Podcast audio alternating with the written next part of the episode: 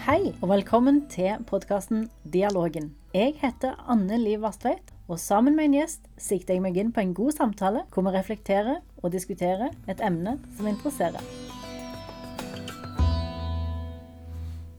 Velkommen til en ny episode av Dialogen-podkast.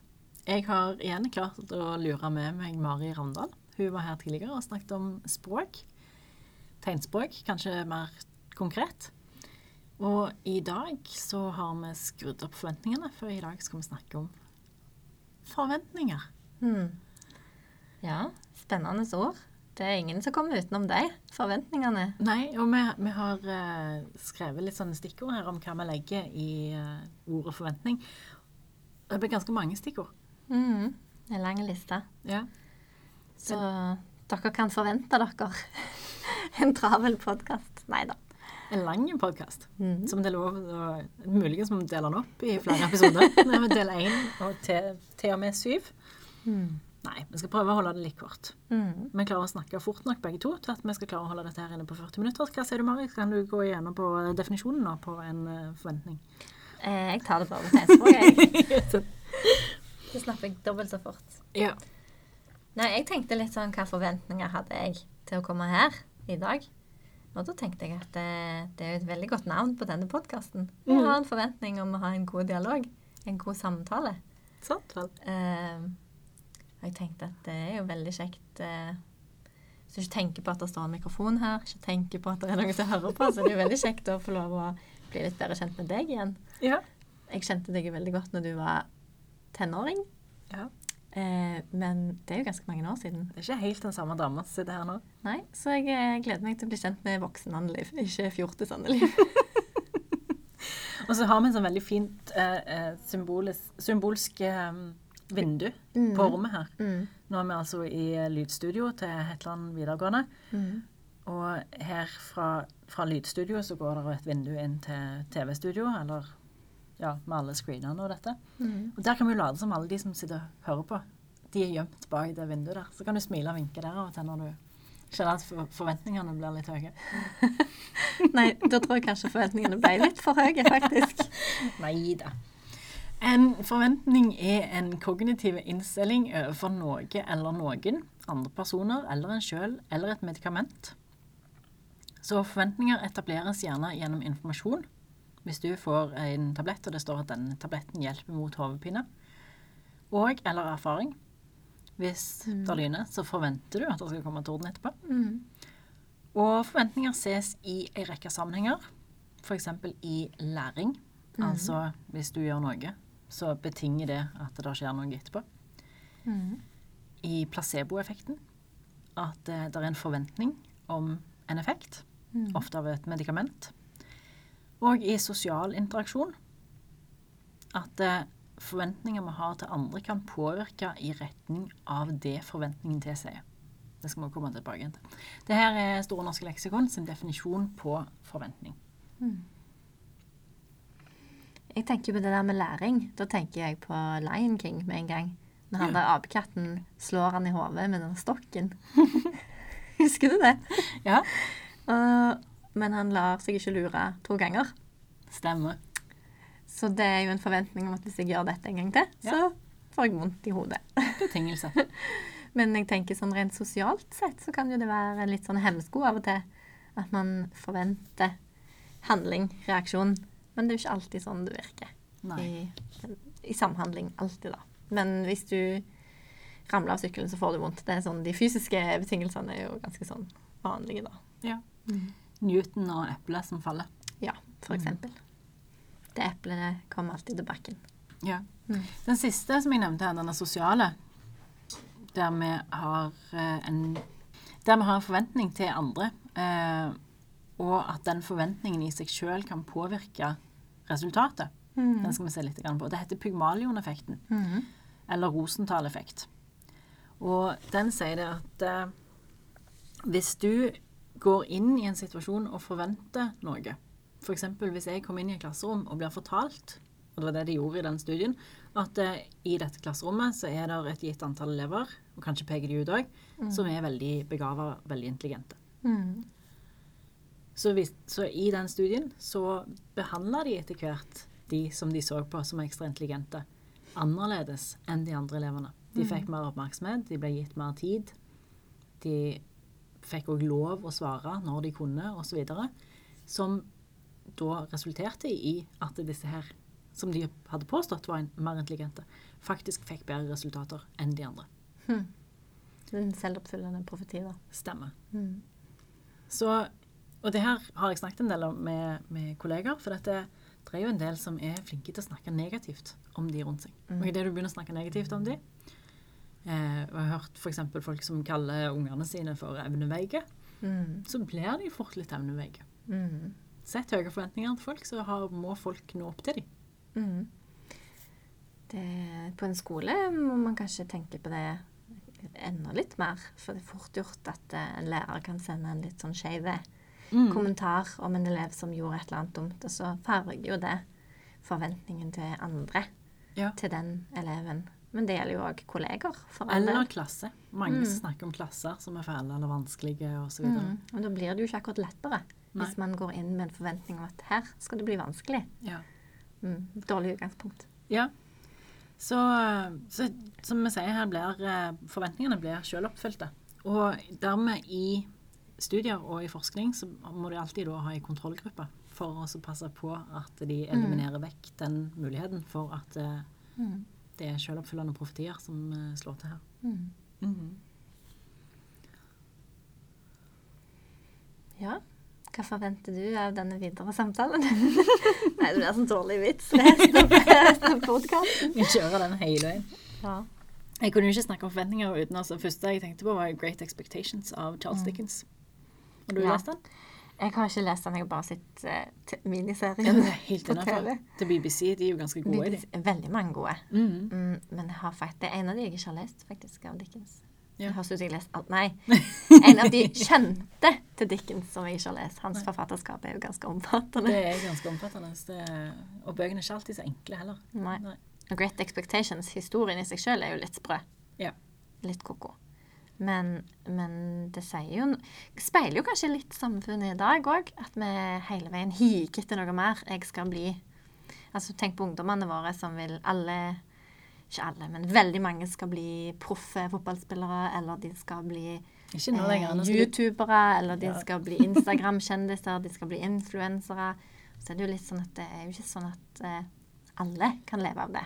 Og jorda går Altså, samfunnet går ikke rundt hvis, hvis alle, alle- på topp. Hvis alle lager podkast.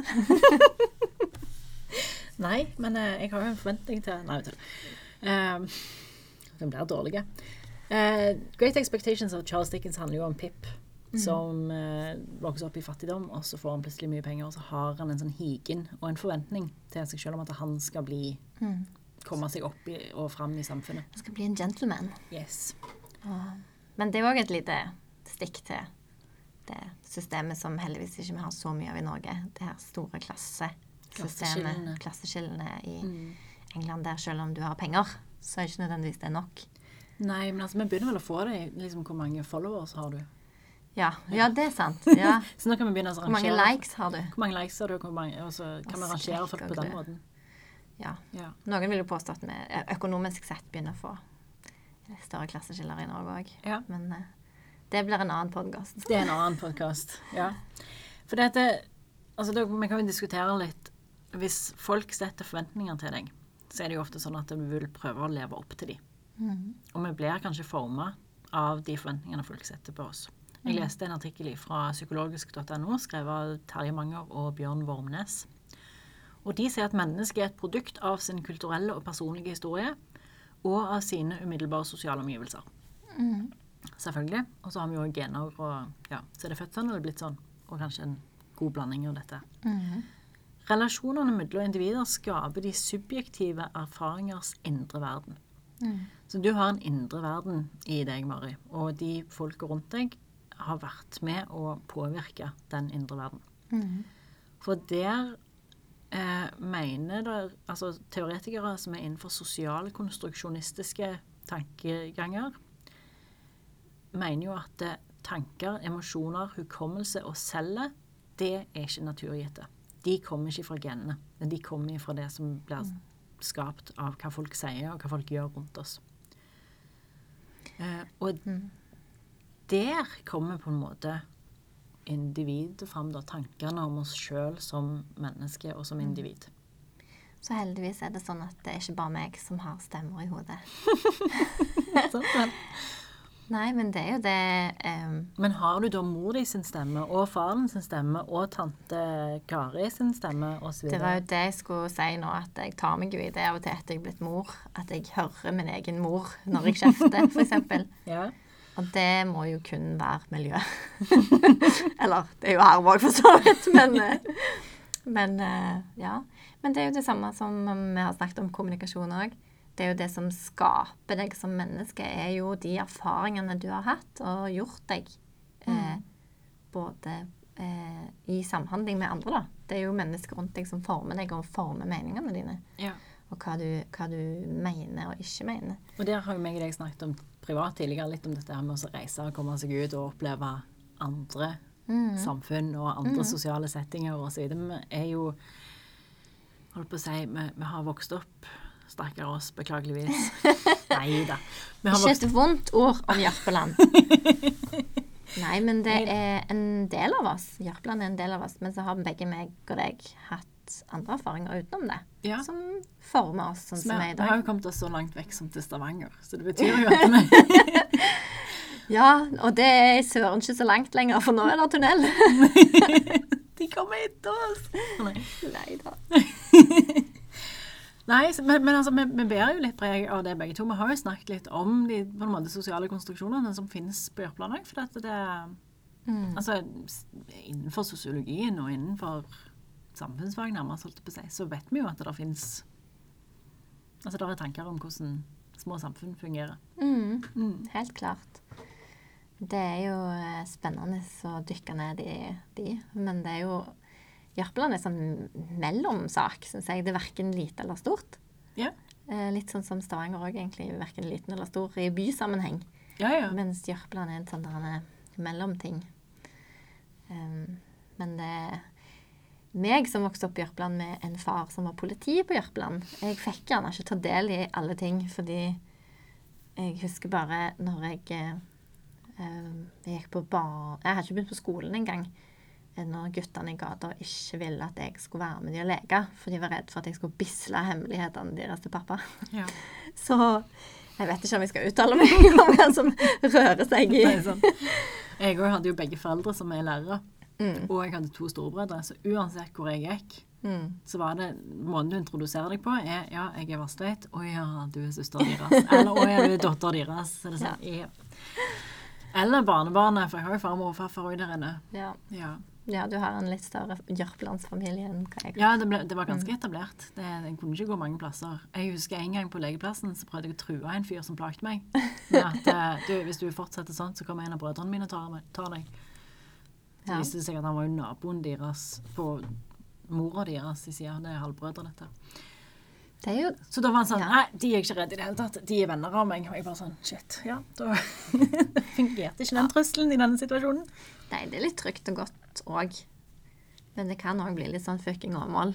Tendenser Mm. Tendenser når man på en måte vil bryte ut ifra et lite samfunn. Ja. 'Fucking Åmål' er en film som gikk Som er fra ca. 95, Ja. 98, nå hører du hvor gammel jeg er. Ja, men liksom, du, du, du gjorde en kulturell referanse her som jeg er ikke sikker på at alle får med seg. Men det handler om to unge jenter som forelsker seg i hverandre, og så skal de takle presstid fra hele Mm, lokalsamfunnet rundt seg. Mm, Mm. der er det jo mye forventninger om hvordan man skal leve og ikke skal leve. ja. Hvis man havner inn på den Nå vet ikke jeg, jeg husker aldri, aldri alle bokstavene LGBTQ. Jeg er ikke imot noen av de, bare husker ikke alle. Nei. Nei. Men, Men det er jo jo derfor det er en pluss på slutten her, tror jeg. pluss, ja. LGBTQ pluss. For alle. Sant vel? Mm. Ja. Mm. Så ja, så vi har eh, forventninger, og vi blir gitt forventninger, og vi får de tredd ned over hodet noen ganger òg. Mm. Ja. Enten man vil eller vei. Hvis du sier at du er lærer, så har jo automatisk folk en forventning om hvordan du er, Oh yes. og hva slags type person du er. Mm. Det er jo litt greit når man tegnspråktolk, for det har ikke så mange sånn for, formeninger om. Nei, nei, det er ikke så mange som har Så- gått den stien tidligere. Nei, så det Nei. hvis jeg sier til noen at jeg er tegnspråktolk, så, så hjelper de det ikke så mye på å finne ut hvem jeg er. Nei. Men så er det jo eh, datter av en politimann, Ja da. så da, Ja. det, da er du jo plassert allikevel. Ja, det stemmer det. Nei, så, og det har vi jo diskutert litt fram og tilbake. Altså hva forventninger er, blir gitt av foreldre, av søsken, av de i klassen, av kjærester, partnere, venner osv. osv. Ja. Er det viktig, tror du? Ja. ja. Eh, kan det være både bra og dårlig på en gang? Veldig ledende spørsmål. Veldig ledende ja. spørsmål. Ja. Nei, men tror du det er mest bra eller mest dårlig? Eh, jeg tror det kommer veldig an på Jeg tror at det, der kommer et punkt der du må bryte litt vekk fra de forventningene uansett, og finne ut hvilke forventninger du har til deg sjøl. Det er en del av det å bli voksen. Ja, og leve opp til sine egne forventninger Ja, og istedenfor alle andre sine. hva en faktisk er fornøyd med. Ja, og så er det jo òg noe med at man tror hva alle andre sine forventninger er. Men man vet det jo ikke, for man eier det jo ikke sjøl. Sånn at eh, kanskje man føler på et forventningspress fra de rundt seg, men de rundt deg eh, Kanskje de er uenige i det. At de ikke legger noe press på deg. Ja. For det er jo til syvende og sist du sjøl som bestemmer hva verdi og hva tyngde det har i livet ditt. Det er helt sant. Så det er jo kanskje Kanskje en eh, spennende debatt i forhold til eh, generasjon prestasjon òg. Ja. Eh, at eh, hvem er det egentlig som legger presset? Og Ja. hvem er det som lar det ta over? Hvorfor lar du forventningene til bestemor ha så stor betydning? Ja. Ja. Det er jo Det er jo sånn eh, Det er sånn fòr til psykologer. Det er fòr til psykologer, og grunnen til at vi leser sånne romaner som eh, den om Pip, Ja, som er en sånn oppvekstroman der du må bryte løs fra forventninger og ha egne, ja, og så videre og så videre. Mm. Så får, du, får en tenke litt gjennom det. For dette, vi har jo denne her placeboeffekten òg, som er interessant. For dette, vi, og det er jo nå veldig, velkjent at eh, hvis du gir noen en pille og sier at det vil fungere mot sånn og sånn, så vil det i mange tilfeller fungere, selv om den pilla bare består av sukker. Ja. Det er Så- utrolig hva skallen vår kan Ja. lures til å tro. Sant? Jeg leste en studie om, om akupunktur. Nå skal ikke jeg legge meg ut eh, med noen som tror på det, men eh, der var det jo en sånn blind studie der en gruppe fikk akupunktur, og en gruppe fikk en sånn fake akupunktur. Yeah. En sånn uekte nål. Og der begge gruppene eh, hadde omtrent like god effekt. Sant da. Der noen da tar dette til inntekt for at akupunktur ikke fungerer, Mm. Mens andre sier «Nei, vent nå litt, begge hadde effekt, Ja. så målet er vel oppnådd. Så spørsmålet er vel egentlig ikke om det er akupunktur som fungerer, men det er vel en form for placeboeffekt uansett Ja. involvert Mm. i denne behandlingen. Og det betyr jo ikke at da at den behandlingen ikke har verdi. For hvis man føler seg bedre, så var vel det som var målet. Sant Så det er spennende, ja. Ja. Det handler litt eh, om makt, rett og slett. ja. Hva du kan få overbevist folk om. Mhm. Mm. Da er vi tilbake igjen i 1984 og George Orwell. Sant? Eller vi kan også se på Jeg var litt så stolt som klarte å komme på denne. Expecto Patronum.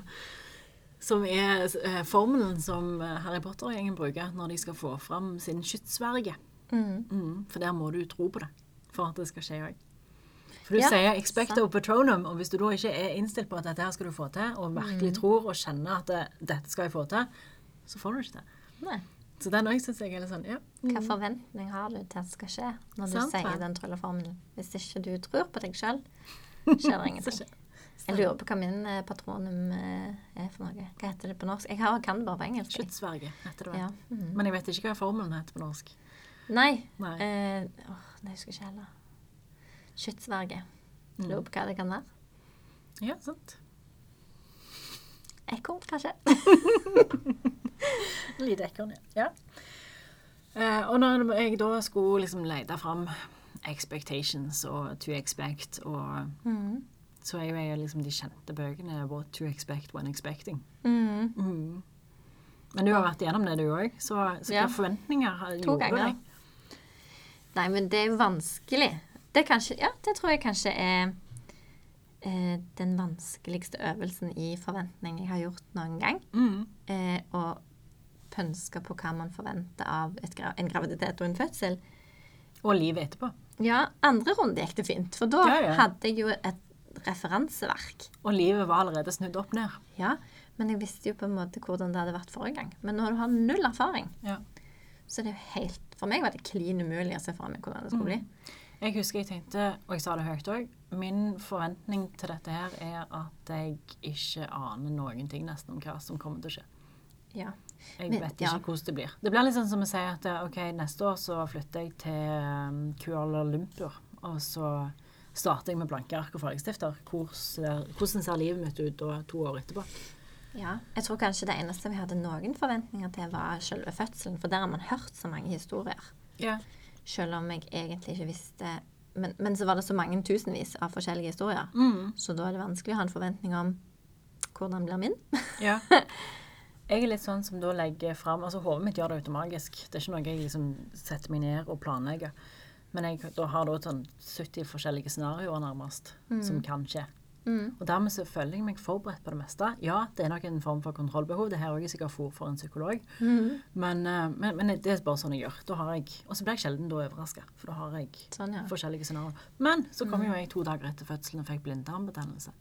Og det var jo sånn Til og med legene og, og sykepleierne på sykehuset sto der og sa hva, gjør vi nå? Dette har vi ikke gjort før. Å, det er en dårlig følelse. Når Ja. ikke de som er liksom proffene, vet hva de skal Jeg ble, jeg trilla ned på operasjonssalen, og så sier hun ene sånn Ja, har du fått kateter? Så sier jeg eh, Hva er det for noe? jeg vet ikke. Og de bare sånn ser på hverandre og så ser liksom der som de legger Altså hinter Ja. litt mot det området der kateteret blir lagt inn. Og jeg var sånn Nei, det har ikke skjedd noe der. Nei. Skulle det det? Mhm. Jeg vet det ikke, sier de. Og jeg bare sånn Ja, men det, det var jo flott, da. Nydelig start. Yes. Så, så denne Ja, jeg liker jo også å gjøre det som, Mm. det som jeg ikke har planlagt for, da. Men da er vi forskjellige. For hvis jeg hadde fått 70 scenarioer, så hadde jeg blitt stressa av det. Ja. Jeg vil helst bare ha et par- par-tre. Ja. for hvis det blir for stort, da, klarer ikke, da, har jeg, da har jeg ingen kontroll over det lenger. Nei. Det blir for, ja, nei. Men eh, Men dessverre så blir jeg jo da sjelden overraska. ja. Og jeg liker å bli overraska. Det gjør jeg jo. Å ja. Ja. Altså hvis det er positivt. Ikke nødvendigvis Altså, Blindtarmbetennelse to dager etter fødselen var ikke det som jeg så som en positiv Er overraskelse. Var det- dette så jeg ikke for meg. Og mer i neste episode om medisin for ikke-medisinere. nei da. Eh, Ja, nei, det er jo Men det er mye forventninger til å få barn. Eh, Om man tenker liksom etter alt det der som skjer på sykehuset, så er det jo Mm. forventninger til deg sjøl som forelder. Eh, hvordan tror du det skal bli? Mm. Og, og litt sånn forventninger om at du skal kanskje bli en bedre forelder enn dine egne. Skal i hvert fall ikke gjøre sånn. Det er jo ingen som er, så flinke, ingen som er så flinke på, på barneoppdragelse som de som ikke har barn. Ja, for eksempel. For eksempel. Ja. Og så må man svelge ganske mange kameler etter hvert. Ja. Og tenk òg at eh, og liksom Hvis du kjenner andre som har fått barn før deg, så tenker du sånn Der skal i hvert fall ikke jeg bli. Og så blir du aldri og helt, fly med en grinende unge. like. Ja. Aldri Ja. ut og fly med en grinende unge. Det er så plagsomt for alle andre. for eksempel. Ja. Ja. Men samtidig så tror jeg at det handler òg som, som veldig mye annet i livet, at man har en forventning om at man skal klare det eller ikke. Ja. Tror jeg har mye å si. Hvordan holdningen er. Hvis man tenker at 'dette klarer jeg ikke', så klarer man det ikke. Nei. Hvis man tenker 'jeg må bare prøve', så klarer man Må det. bare hoppe i det. Ja. Ja. må det. Og det er jo det som, er, altså, som jeg satt igjen med til slutt, var den der at jeg bare vet ikke. Mm. Så her må jeg bare hoppe, og så må jeg se hva som skjer. Og det Ja. ja. fikk det jo sånn- til sånn noenlunde, det òg. Mm. Så jeg er ikke sånn som planlegger for Nei. alle forventningene. Mm. Men jeg må av og til inn i noen scenarioer og si Kan det faktisk forekomme at sånn eller sånn, kanskje? Må Mm. jeg belage meg faktisk på at eh, vedkommende kan gjøre sånn, eller et utfall kan bli sånn, eller For da må jeg liksom klø meg litt i hodet og, og kjenne at eh, jeg kanskje bare ha tenkt igjennom det, sånn at jeg er litt forberedt på det. Mm. Jeg tror nok at jeg eh, fort blir et offer for mine egne forventninger. Gjør du det? Ja. At jeg forventer at jeg skal klare alt. Og klare det best. Og klare det mest. Og klare det fortest. Ja. Eh, fordi at jeg forventer at det, det klarer jeg jo. Ja, ja, sant? Du har fått ting til før, og Ja vet da, at du Jeg er har jo klart sant? alle ting. Eh, men så viser det seg jo at eh, det er jo ingen som er, er maskiner av oss mennesker. Nei, og så handler det jo også om prioriteringer. Absolutt. Ja. Men er du sånn som at eh, hvis du skal gjennom noe, så setter du deg Altså, det skal bli sånn, hvis det ikke blir sånn, så er livet ødelagt. Nei, heldigvis ikke. Nei. Men det kunne nok ha vært litt sånn før. Ja. Men ikke nå. All nå your eggs in one basket. ja, nå har jeg blitt litt voksnere og forstår at det er lurt å spre de eggene litt. Ja. Mm. Mm. Nei, for det er vel òg noe som handler om det å bli voksen, at du planlegger litt for de scenarioene som eh, Ja, og at man har mer livserfaring til å takle de som dukker opp. Mm. At det ikke er sånn at du kan, kan forutse alt, men du klarer likevel å løse det. Det er litt sånn som i arbeidslivet òg, det. At eh, når man får litt mer pondus og litt mer erfaring på Mhm. baken, så har man litt større handlingsrom eller flere ting å velge i enn man Ja. hadde før. Jeg må jo dra en montagne. Når- Ja. ja. Han liker jeg. Du liker montagne? Ja. Ja. Jeg har jo hørt på dere. Sant vel? Og så eh, Han er jo essayistens far, og nå kjører jeg jo med essay i podkastformat, mm. som i dialogformat.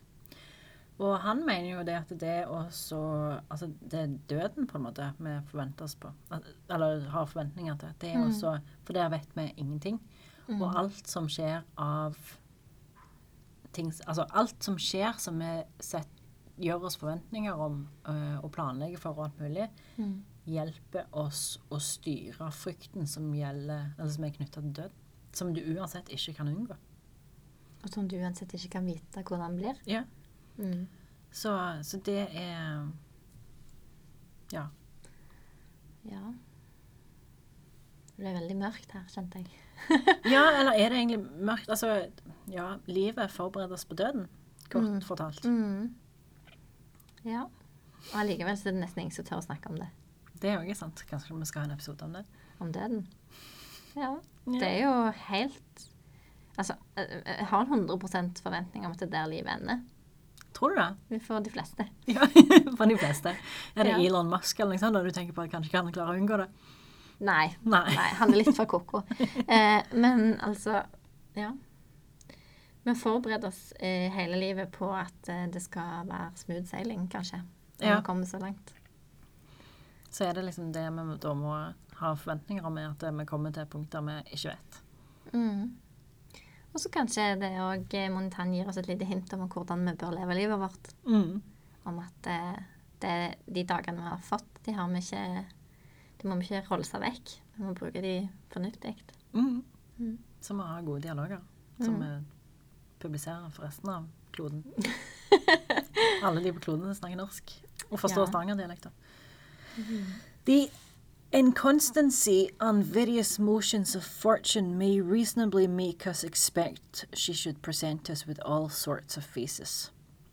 Så fortune, altså flaks eller lykken eller hellet, er så ukonsekvent og forskjellig at eh, hun, som man kaller henne, altså fortune, hell og lykke, gjør at vi må forberede oss på å forvente hva som helst. Mm. Mm. Og det er jo livserfaringen, det, som gjør oss i stand til å tåle og Ja. forstå. Sant? Og så er det det at når du da, sånn som jeg kanskje, som, som legger opp så mange scenarioer ganske ubevisst, Mm. så, så som jeg sier, så blir jeg blir sjelden overraska. Mm.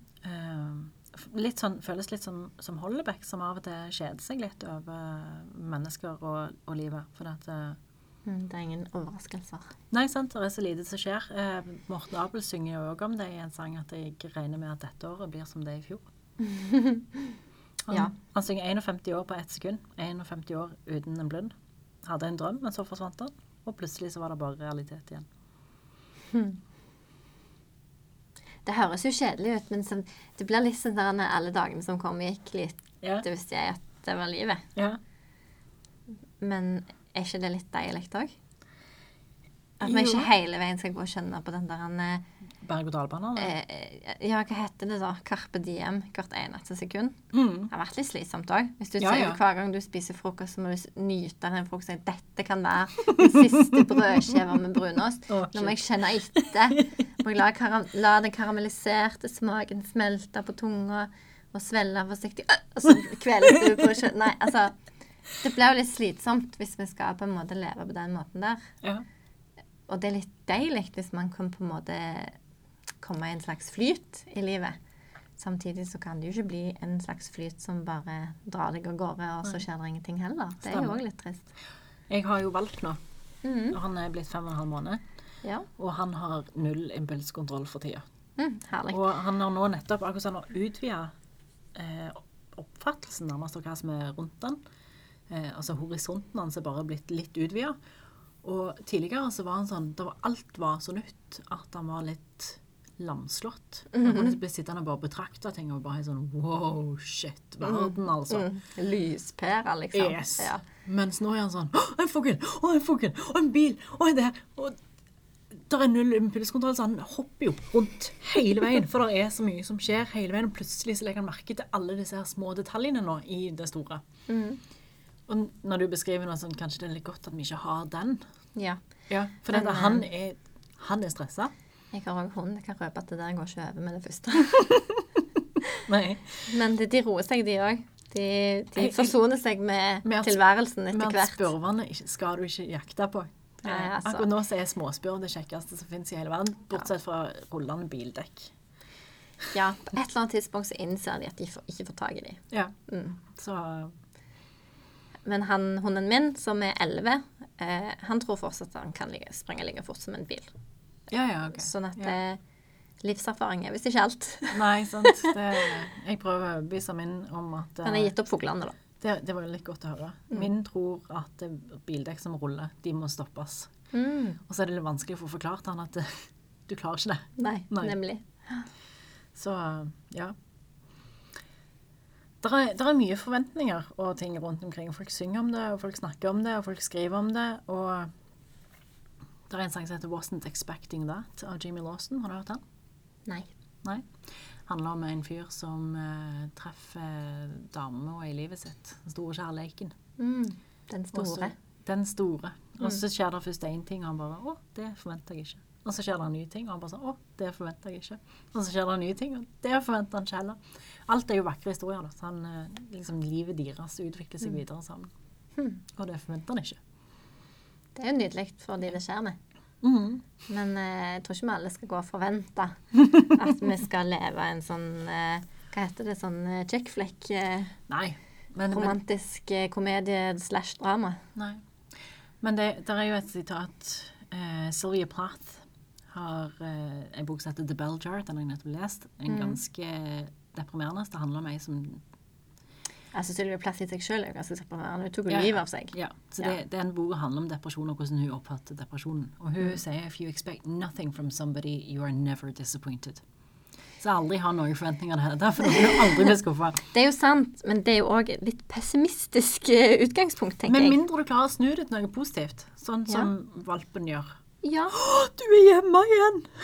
Ja. Eller å, du kom ut igjen fra badet! Men det er jo litt slitsomt å leve sånn. jo det. Tenker liksom Ja, Ja. sånn syv ganger til dagen. Ja, ja, hun kom hjem fra jobb. Ja. Døra gikk opp. Ja, hun hadde vært på Ja, du kom tilbake inn fra do. Det er jo på en måte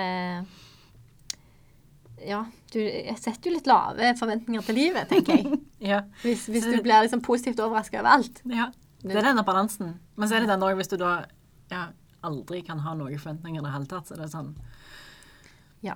ja. Mm. Men så er det jo veldig dumt å sette for høye forventninger òg. Hvis man f.eks. er gift med en mann som ikke er særlig romantisk, og tenker liksom går og drømmer om alle de fantastiske tingene du ønsker deg, og så er det mest romantiske du får, det er kanskje at han husker å kjøpe majones på butikken. Sant vel? Og det er kanskje hans måte å være romantiske på. Eller han som forventer at uh, du skal se akkurat like smashing ut hver dag hele veien som det du gjorde når han traff deg første gangen. Mm. Hvis det er noen menn som går ut og forventer det, så tenker jeg at uh, da kan det være greit å bare komme ned på landjorda igjen. Spesielt hvis man er i den der småbarnsfasen. Ja, men det er sant, det går jo begge veier. Hvis du forventer veldig mye romantikk i småbarnsfasen, så er det jo kanskje liksom Kom ned på jorda. Ja, det er helt sant. Ja. Det er noe med det der amming og søvnmangel som, som ikke helt sammenfaller veldig godt med manikyr og, og makeup, altså. Jeg vet ikke, det er, det er noe der. Sant. Ja. Um, men vi skal tilbake på 90-tallet. Ja. Robbie Williams. Og han liker jeg. Han har et album som heter I've Been Expecting You. Oi, ja. Jeg var på Rob Williams på Viking stadion her for noen år siden. Jeg òg. Han er helt framme. Ja, det er helt nydelig. Helt framme. En gammel klovn, men du og du så underholdende. Ja, og han er entertainer han på sin det han holder på med. Han er ikke sånn eksepsjonelt god å synge, men han er flink å ha show. Og Han er det var jo det vi gikk på. Entertainer. Mm, Ja. absolutt. Det det er få som er så bra som det. Expectation versus reality er jo blitt en egen sånn memes-sjanger. Ja. Send deres, send deres beste. Ja takk. Del de med oss. vi vil Veldig gjerne se de. Mm. Ja. Eh, jeg begynte nettopp å se en serie som heter eh, It's About Us. Og, og der eh, Jeg har ikke veldig mye forventninger når jeg ser film eller leser bøker. eller noe sånt, for det, Som regel så har jeg lest veldig lite om de i forkant. Og, og derfor er jeg sånn Jeg, jeg er åpen for det meste. Eh, men der ble jeg overraska. Og det skjer veldig sjelden. Så den eh, Jeg skal ikke si hvorfor eller hvordan eller noen ting som helst, men, men jeg ble eh, positivt overraska. Eller jeg ble overraska, og det syns jeg er positivt. Mm. Eh, og hvis du blir positivt overraska, eller overraska, og det er positivt, eh, så tenker jeg at da tror jeg kanskje jeg må se det. Ja. Da er det verdt Mm. å ta en titt. Men når det da kommer til forventninger, så må vi kanskje lukte litt på sannsynlighetsteori. Har du vært borti det? Åh, jeg syns det er helt grusomt. Jeg var så vidt at jeg besto matte. Og jeg tok fordypning i matematikk på Mm. videregående. Jeg kan ikke forstå hvorfor jeg gjorde det. Men sannsynlighetsregning er jo sånn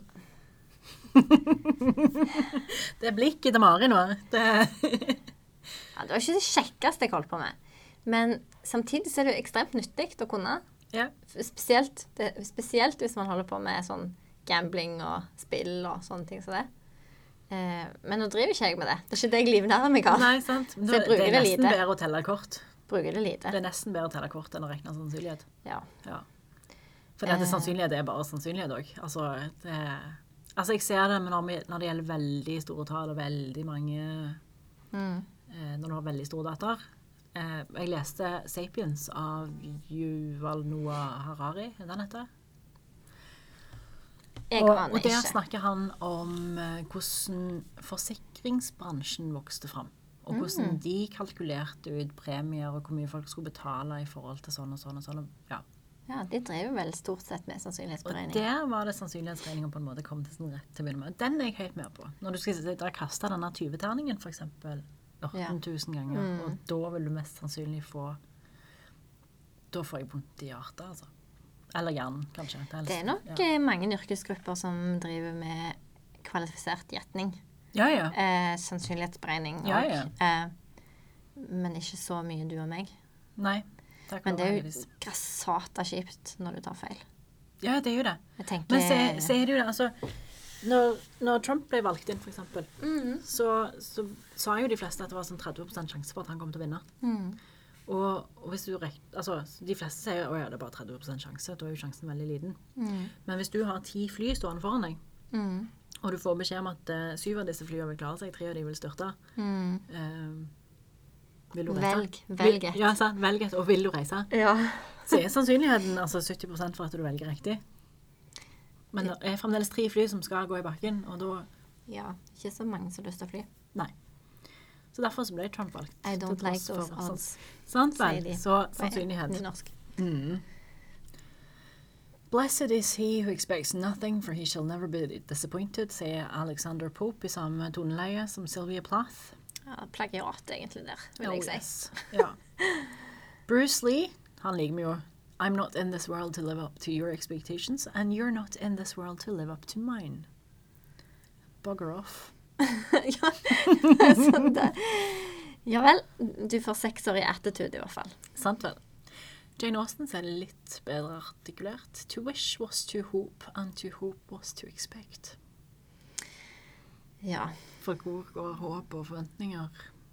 Ja. Mm.